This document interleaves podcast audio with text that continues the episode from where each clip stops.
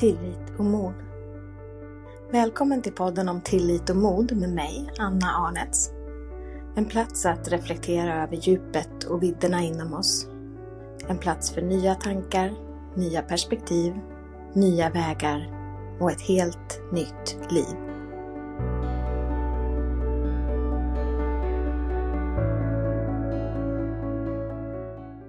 Att leva många liv i ett liv Ibland känns det som att jag har levt många liv i det här livet för att jag har levt i olika faser, i olika kapitel. Och ibland är det dags att stänga ett kapitel för att kunna öppna upp nästa. Och nästa kapitel det innehåller andra människor, andra omgivningar, kanske en annan bostad, andra saker helt enkelt som gör att de olika kapitlerna skiljer sig från varandra.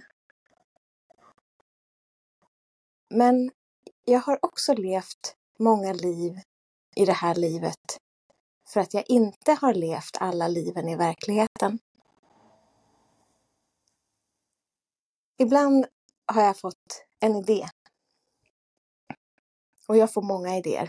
Det, det är liksom sån jag är. Och jag har lärt mig att jag ska inte agera på alla mina idéer.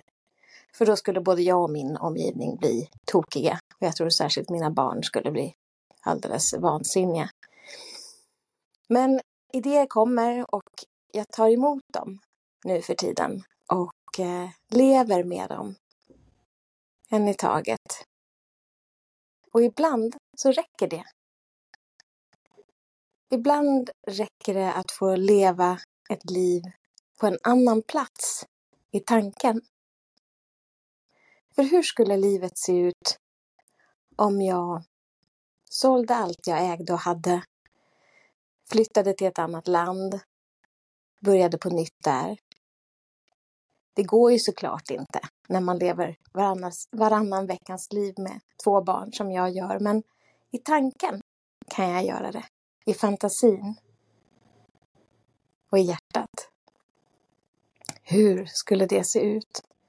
Och hur skulle det kännas? Jag känner på det som känns lätt och roligt och bra. Och jag känner på det som känns lite tyngre, lite jobbigare, lite svårare. Och ibland blir det så verkligt där inne i mitt huvud att jag faktiskt tror att det är på riktigt. Fast det är det inte. Och det fina är att när jag har levt det livet där, på det sättet, på den platsen, så är jag klar. Och så kan jag komma tillbaka hit i den verklighet som är den fysiska verkligheten omkring mig. Utan att ha gjort alla de där stora förändringarna. Utan att ha fått lägga ner en massa jobb och tid och kraft och energi på saker som kanske faktiskt inte hade blivit så som jag föreställde mig dem. Och det är så fantastiskt skönt. Och det gör också livet så mycket rikare.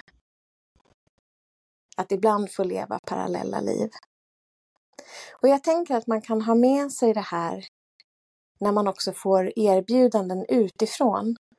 Jag hade en vän som nyligen var i den situationen att hennes man fick erbjudande om ett nytt jobb på samma företag och det skulle betyda eh, högre lön och, och bättre eh, förutsättningar och att bo på en annan plats i landet där det är billigare än där de bodde, eh, där de bor just nu.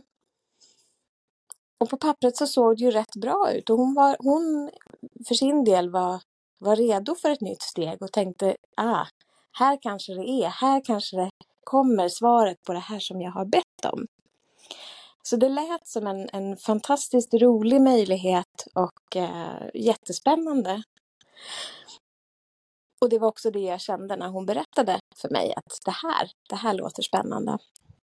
Och sen så gick hon hem och så sov hon på saken och, och verkligen gick in i känslan av att flytta, av att bo på den här nya platsen, av att hennes man hade det här nya jobbet, av att hon stängde ner sina verksamheter och flyttade de som gick och gjorde förändringarna i sitt liv som skulle ha följt med.